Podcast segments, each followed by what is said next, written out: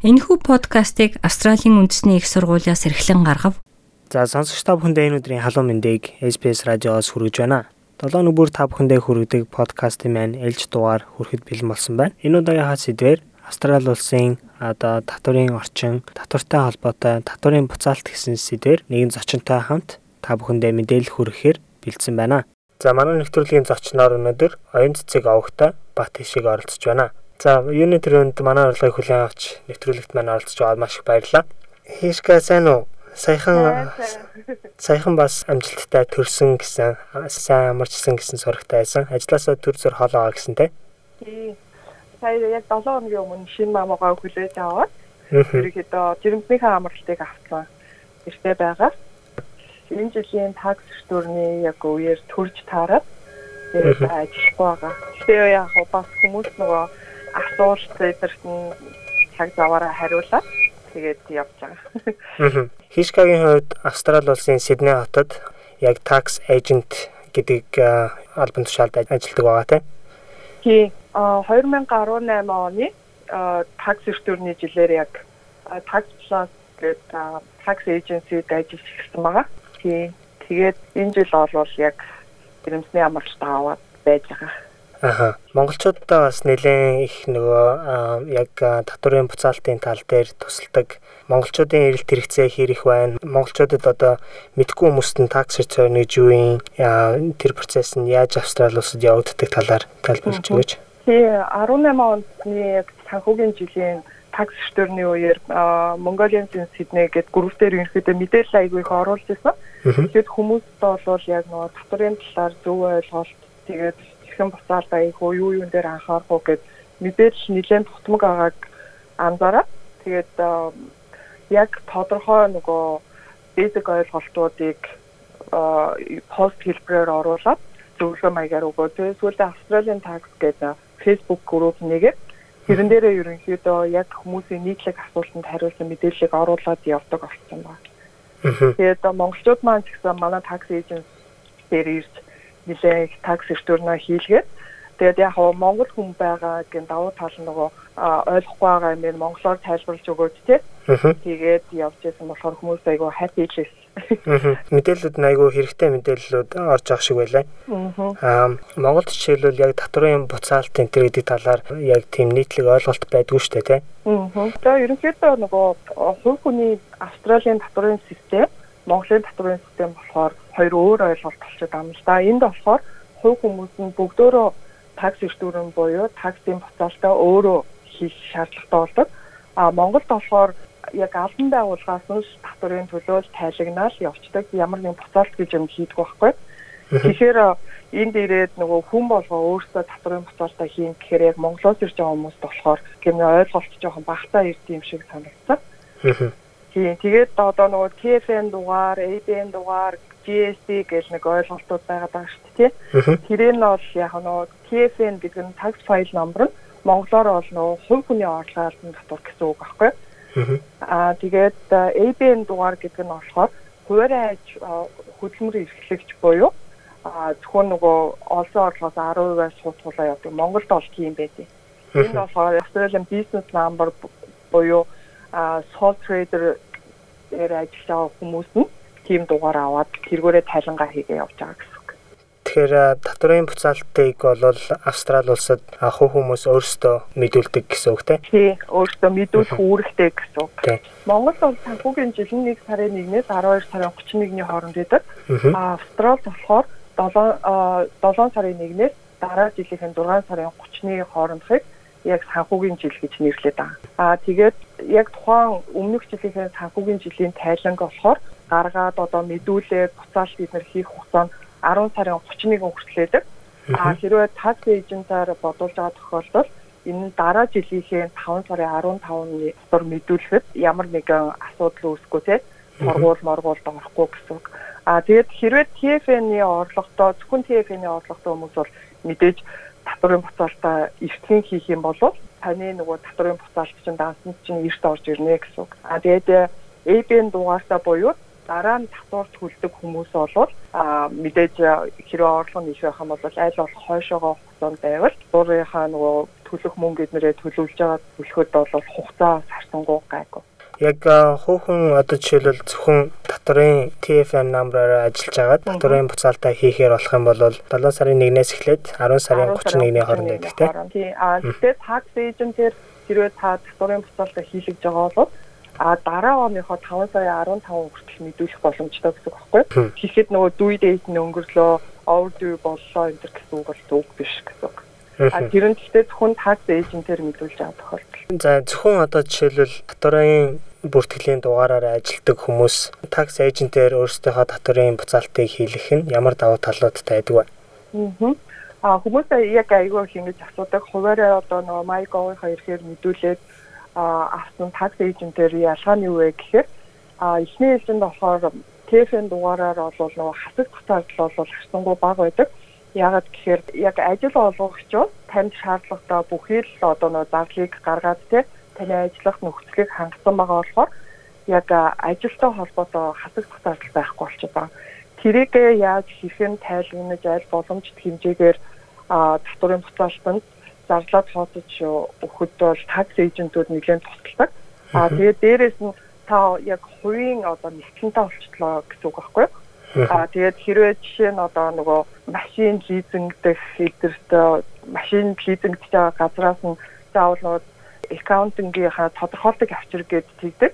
Тэрэн дээр хэрвээ та такс эйжентээр такс эртүүрнээ хийлгэсэн тохиолдолд тийм тодорхойлт аваад одоо орлогыг нь одоо за яг энэ хүн тухайн тайланчил ийм орлоготой байсан үнэ гэсэн reference letter гаргаж өгдөг. Тэргээр бас давуу талтай байдаг.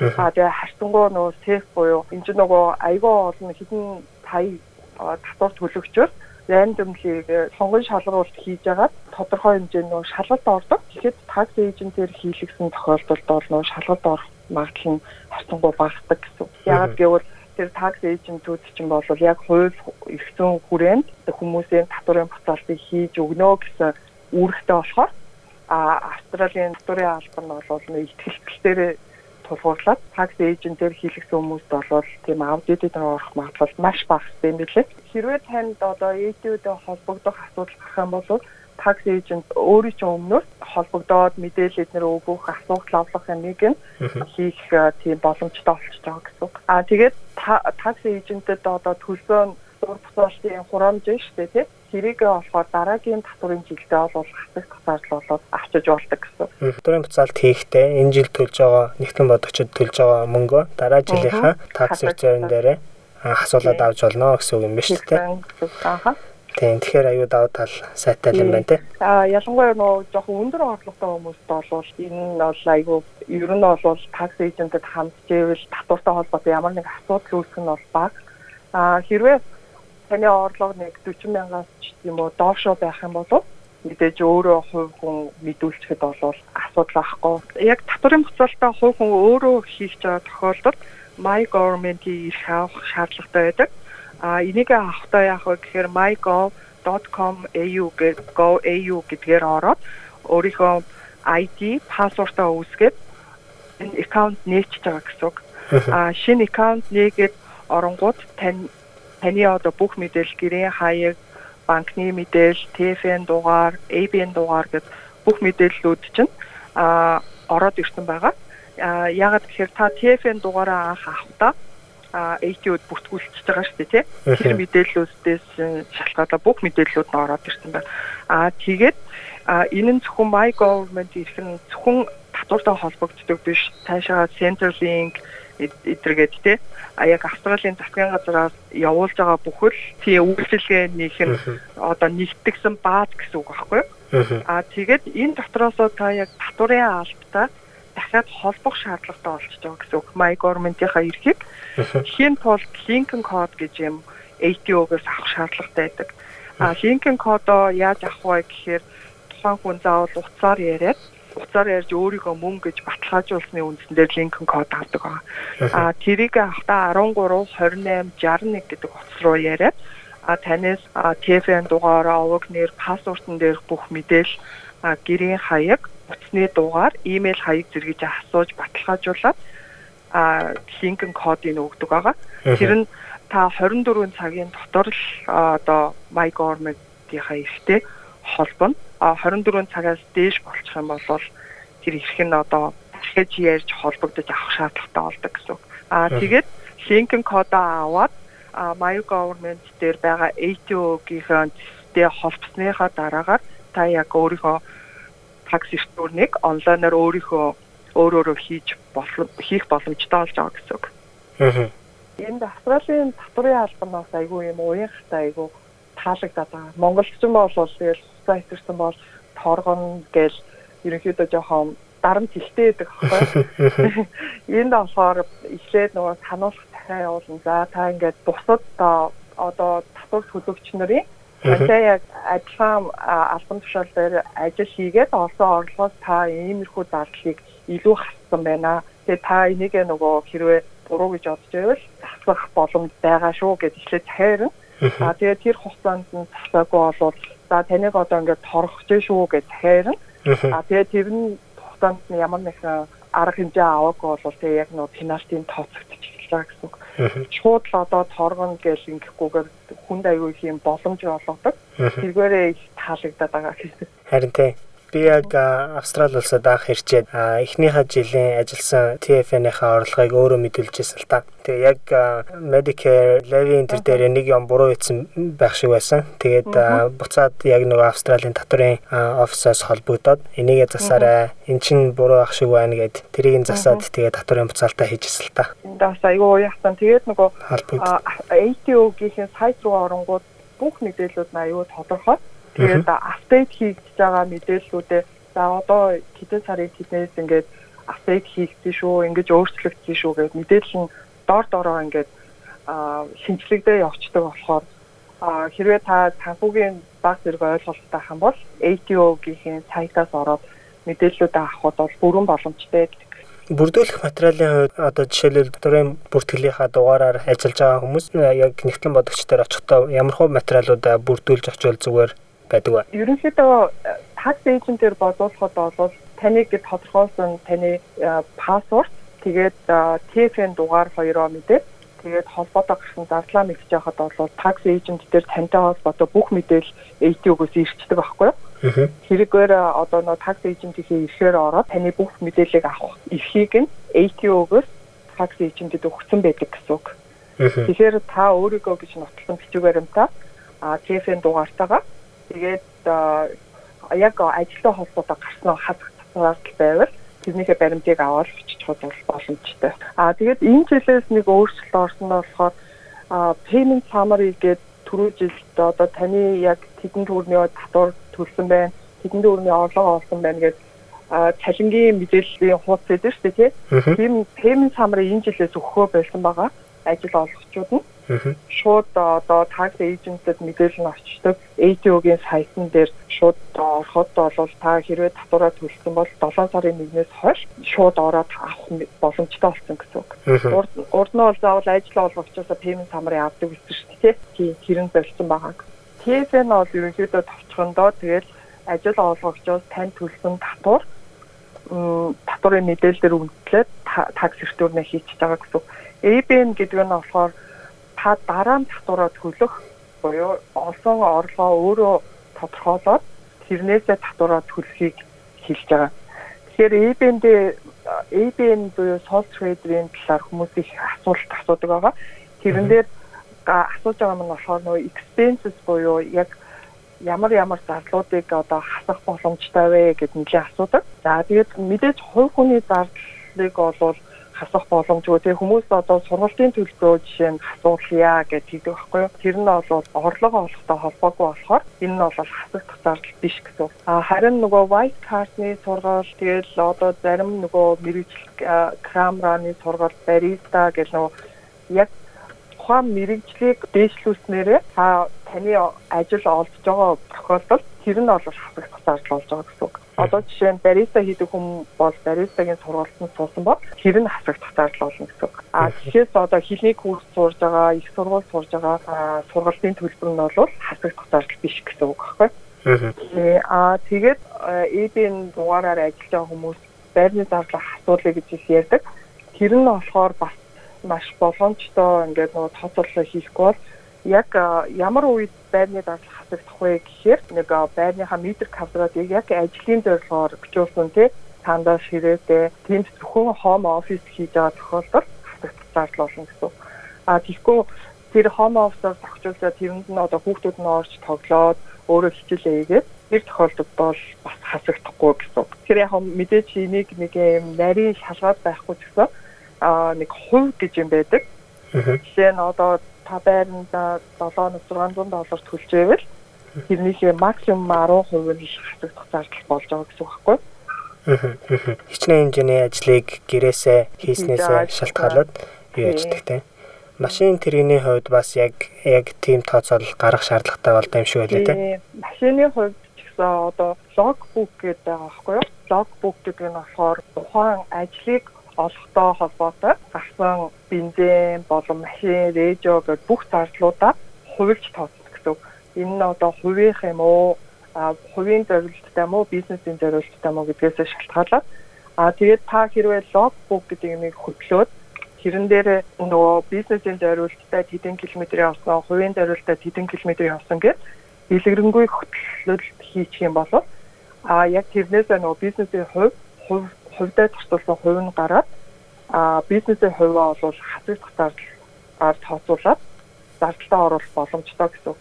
А хэрвээ логбук байхгүй тохиолдолд бол максимум 1 жилдээ 5000 км-ийг л одоо хасагдахаар оруулах боломжтой болж байгаа гэсэн үг. Тийм. Тэгээд 5000 км-ийг одоо доллар шилжүүлэх юм бол 1 км тутамд 60 центээр тооцоод буюу 3000 доллар максимум боломжтой гэсэн үг. Мөн ТФ-нээр ажилладаг тохиолдолд хэрвээ та хоёр ажил хийгээд тий? Хоёр ажил хийгээд нэг ажлаасаа нөгөө ажил руу явах хоорондоо тухайн одоо машинаа хэрэгэлсэн бол тэр нь зардал болно. А тэнгууд энд нөгөө travel expense гингүүд одоо жишээ нь бид нэр ажилдаа явахдаа офол ашиглаж штэ тий. Тэ? А таны ажил болж байгаа орлого олж байгаа цэг чинь ажил дээр очсон цагаас эхэлж гэнэ гэж үзээд одоо гэрээсээ ажил орох, ажилласаа гэр орох хоорондын тэр travel чинь бол зардал болтгоо байхгүй. Тэгэхээр хэрвээ та хоёр ажил хийж байгаа нэг ажлаас нөгөө ажил руу явж байгаа тохиолдолд ийм travel expense гэж асуулах боломжтой гэсэн үг. Яг миний кейс байна л да. Тэгээ нэг ажлаас нөгөө ажил руу явдаг. Гэхдээ яг нөгөө гэрээсээ эхнийхээ ажилдаа очих очих зардлаа аа зардлыг оруулж болдгоо те. Одоо TF-н бол EB-нээр орлого олж байгаа хүмүүс ажил дээр гарсан холбоотой зардлууд нь яг тухайн хүн өөрөө төлсөн тохиолдолд буцаагаад одоо хасах боломжтой байдаг. А хэрвээ цаанаас нь одоо компани ажлын хувцс багаж хэрэгсэл тэ логодо цам зэднэрээр цаанаас нь компаниас нь хангаад өгсөн тохиолдолд бол та энэ зардлыг хасагдах зардалтай хийх боломжгүй гэсэн үг. Зарим албан байгууллага одоо жишээ нь за та ажлын хувцас авчих а тэгээ буцаад бид нэр цалин дээр чинь нэмээд тэр нөгөө баримтыг үндэслээд өгчөө гэд. Энэ тохиолдолд бол та нэмж дахиад баримтаараа өөрийнхөө нөгөө татварын буцаал дээр хасагдах зардал болгох боломжгүй гэсэн үг. Яг гэвэл компани ч танд одоо тий бүх юм 100% хангаад өгчөж байгаа гэсэн үг болохоор аа тэгээгүй тохиолдолд бол та яг ажил дээрээ өмсдөг одоо жишээ нь барилга хийдэг хүмүүст бол хамгаалтын бүх иж бүрэн хувцс болон ажил дээр ашиглаж байгаа багаж хэрэгслүүдээ хасагдах зардалтай баримтынхаа дагуу баталгаажуулж оруулах боломжтой гэсэн. Аа тэгээд өөр одоо ритейл компаниудад ажиллаж байгаа хүмүүс болвол ажлын хар гутал мутал гээл тий яг ажил дээр тавигдах шаардлагаасаа шалтгаалаад хасагдах зардалтай яг л ажил дээр л өмсөж байгаа холбоотой зардлаа л хасна гэсэн. Аа тэгээд энэ дээр одоо та баримтаа ингээд байнга хадгалахад хэцүү байгаад байгаа бол ATO сайтын My Deduction гэдэг нөө аппликейшн байгаа. Тэрэн дээр баримтынхаа зургийг аваад тайлбараа бичээд хадгалах юм бол дараа нь нөгөө баримтын шалгалт дээр ороход бол тэр нь бол аа яг шаардлага хангана гэсэн үг. Тэг хадгалаастай байж гэн гэсэн үг. Тэг хадгалаастай байж гэн гэсэн. Миний хувьд бол бас яг тэгжсэн л та компьютер аваад аа татварын буцаалтан дээр компьютер ажлынхаа холбогдлолтой байдлаар хэрэг ашигладаг талаар бас тооцоо гаргаж өгвөл зүгээр байт юм билээ те. Тий, хувийг нь гаргана гэсэн үг. Одоо та жишээ 1000 долларын компьютер авсан бол ажилдаа нэг 40% нь ашигладаг бол 400 долларын л хаснаа л гэсэн үг тий. Тий. 400 долларын буцааж авна гэсэн үг тийм. Аа Medicare levy гэж айгүй яригтай асуудал багш байгаа нэ яг татварын буцаалтай мэдээлэгч аамс. Тий Medicare levy-г бол нөгөө би ингээд тайлбарласан пост нэлээд их оруулсан. Тэг хүмүүс яг нэг уушх их жоохон дургүй тийм шиг л гэдэг. Аа Medicare levy exemption гэдэг байгаа байхгүй. Тэр нь болохоор монголоор бол нөгөө эрүүл мэндийн даатгалын 2% гэсэн үг байхгүй. Аа эрүүл мэндийн даатгалын 2%-ийг Монголд бол нөгөө ажил олгогчоос нь төлдөг.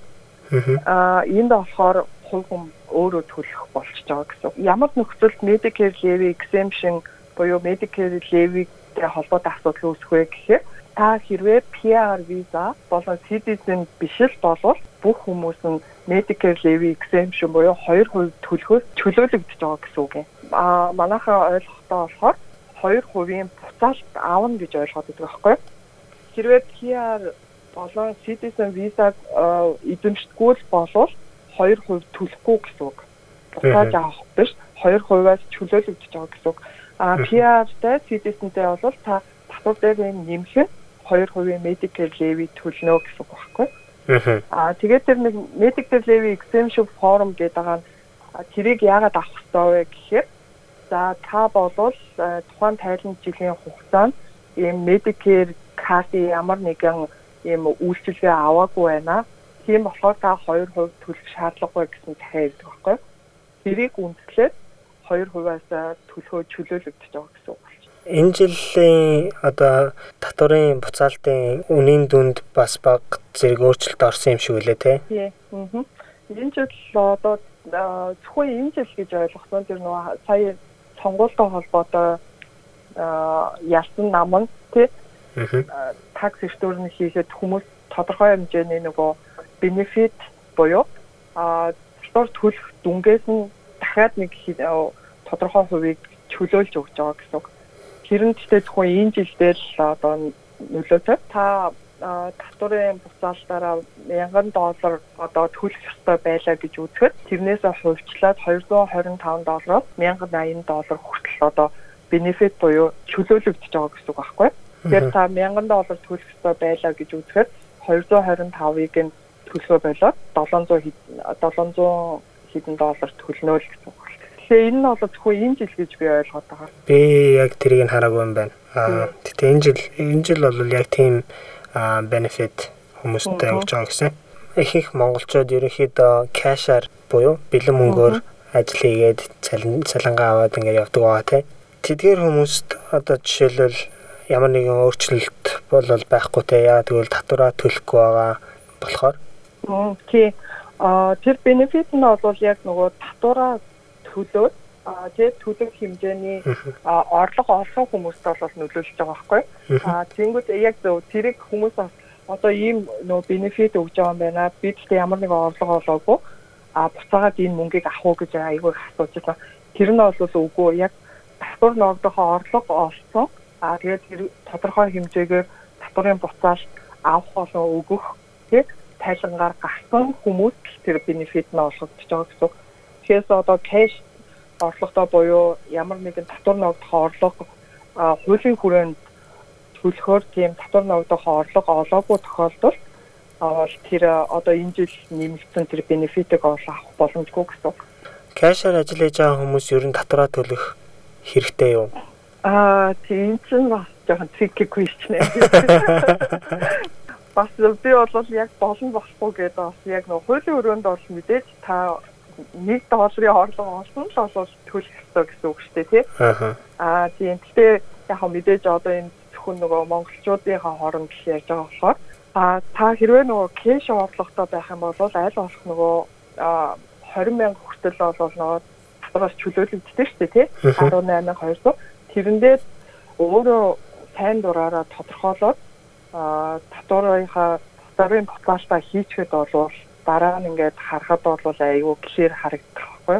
Ямар нэгэн байдлаар танд одоо татварын шалгалт тий а данс эднэр дээр ч орлоо гэхэд а би ингээд өөрөө нөгөө татвараа тодорхойлоод хүлжээс юм аа гэд харуулхад а тэр нь бол 18200 гэдэг байгаа шүү дээ тий 18200 хүртэл татвар төлөхгүй гэж Тэрэн дээр нь бас бага орлоготой гээд 445 долларын бенефит жил болгоо өгдөг байхгүй. Тэрийгэ нэмээд ерөнхийдөө 20 мянган доллараар доош орлоготой бол татвар төлөхгүй яа. Тэрэндээ яг хуу тулгаад үнэхээр ингээд нөгөө кэш орлоготой бол мэдүүлээ явуулчихад бол миний хувьд бол зүгээр санагдав. Яг нөгөө хүүхний өөрийнх нь сонголт л тоо тий.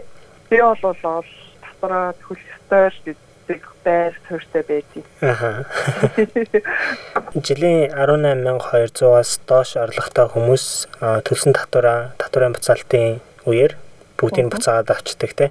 Тэрэн дээр нэмэх нэг 445 долларын татвар буюу нөгөө бага орлоготой хүмүүс гээд дахиад нэмээд нөгөө 445 доллар чөлөөд идэх байхгүй. Тэр нийтдээ бол 20 мянган доллар 18200 гэж байгаа бол 20 мянган доллароос доош орлоготой бол ер нь татвар төлдөггүй. Аха. Тий. Тэгвэл бас бас мэдчмээр л те ийм сонголт байдаг шүү гэд кашер ялангуяа орлого олж байгаа хүмүүс бол а зүгээр нэг яг студент визадаага байгаа л 2 жил мэл амьдрал ингээл явчихна. Одоо нөгөө дараа нь татварын асуудал асуудал хамаагүй гэж үзэж байгаа юм бол заавал тэгж мэдүүлэх шаардлагагүй. Зүгээр нийл буюу татвар энэ тухайн тайлан жил орлого олоогүй гэж жил болгондоо мэдүүлэл явчихад болно гэсэн. Хүмүүс болохоор орлого олоогүй л бол ямар нэгэн тэгээ такс эртүүрэнтэй холбоотой үйлдэл хийх шаардлагагүй гэж ойлгоод байдаг. Тэнгүүд та яг нөгөө таксынхаа ихээр ороод харахаар за энэ хүн ерөөсөө нөгөө тайлангаа мэдүүлээгүй байх гэдэг овerdue гэдэг статустай олсон байдаг байхгүй юу?